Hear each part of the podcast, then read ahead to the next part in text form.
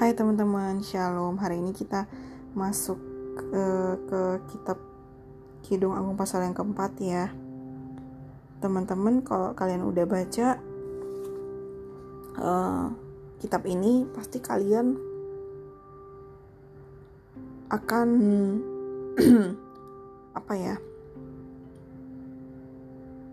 melihat atau ada kata-kata yang melihat ada kata-kata yang terkesan vulgar dan erotis ya. Kayak yang di ayat yang kelima, seperti dua anak rusa buah dadahmu, buah dadamu. Jadi eh, banyak orang-orang di luar sana, bahkan orang Kristen sekalipun mempertanyakan hal ini. Kenapa ada kata-kata vulgar, ada kata-kata yang nggak lolos sensor masuk ke kitab suci. Kenapa nggak disortir? Kenapa nggak diperhalus? Kenapa nggak dihilangin aja? Kenapa sih kitab Kidung Agung dimasukin sebagai kitab yang suci? Kan itu ada kata-kata vulgarnya. Itu bukan Kidung Agung lah, itu Kidung yang apa? Uh, porno ya katanya. Ya. Nah, kita sebagai orang Kristen uh, gimana cara kita memahami ini teman-teman? Nah sebenarnya cara pandang kita sih yang menentukan seperti apa sebuah objek atau sesuatu itu kita li lihat. Kalau kita lihat sesuatu dengan pikiran yang bersih hal-hal yang berhubungan dengan yang tabu atau yang nggak layak dibicarakan pun akan terlihat bersih. Tapi kalau misalkan pikiran kita kotor maka hal-hal yang sepele atau biasa aja yang nggak nggak terkesan kotor pun jadi kotor gitu loh.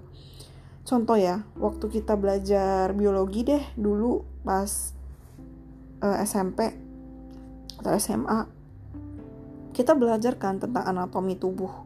Atau kalau kalian deh yang nonton Grey's Anatomy uh, kalau aku nonton Grey's Anatomy ya di situ tuh banyak hal-hal yang uh, segala penyakit gitu. Segala penyakit muncul di segala anatomi tubuh manusia baik itu di di apa namanya di organ intim misalkan.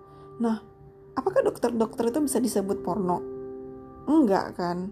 Kalau misalkan dokter-dokter disebut porno ya kalau ada penyakit organ intim ya dibiarin aja gitu pasiennya. Itu kan enggak gitu ya Kenapa setiap pelajaran biologi nggak kita sebut pelajaran porno kalau misalkan udah uh, masuk ke pelajaran yang mungkin tentang anatomi tubuh gitu? Karena apa? Karena kita melihatnya itu dari sudut pandang yang bersih bukan dari sudut pandang yang enggak-enggak gitu loh. Nah memahami kita sebagai orang Kristen ya memahami kitab Kidung Agung itu juga kayak gitu ya teman-teman.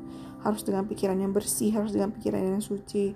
Karena kitab Kidung Agung itu menggambarkan hubungan yang intim antara mempelai laki-laki dan perempuan yang juga kita bisa maknai seperti itu juga kasih Tuhan kepada kita loh umatnya. Tuhan begitu rindu untuk bersekutu dengan kita. Tuhan begitu rindu untuk membangun keintiman dengan kita bicara soal hubungan gitu. Jadi melalui hubungan hari ini, jangan pernah kita sebagai orang Kristen diyakinkan dengan ajaran-ajaran yang mencoba menyerang kita dengan argumen-argumen yang sempit kayak gitu ya teman-teman. Percaya kalau kitab Kidung Agung ini dimasukkan Tuhan ke dalam firman-Nya itu ada hal-hal yang yang bisa kita pelajari, ada janji-janji Tuhan yang mau Tuhan kasih dalam kehidupan kita, ada perintah-perintah Tuhan yang mau Tuhan uh, apa sampaikan untuk kita jalani, ada makna yang Tuhan pengen kita alami dalam kehidupan kita, ada rema yang Tuhan pengen kita taruh, ada rema yang Tuhan taruh, pengen taruh di dalam kehidupan kita kayak gitu loh.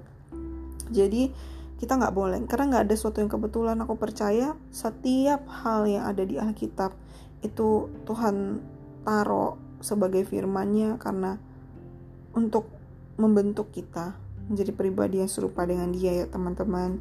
Jadi untuk kitab Kidung Agung pasal yang keempat ini semoga renungan hari ini memberkati. God bless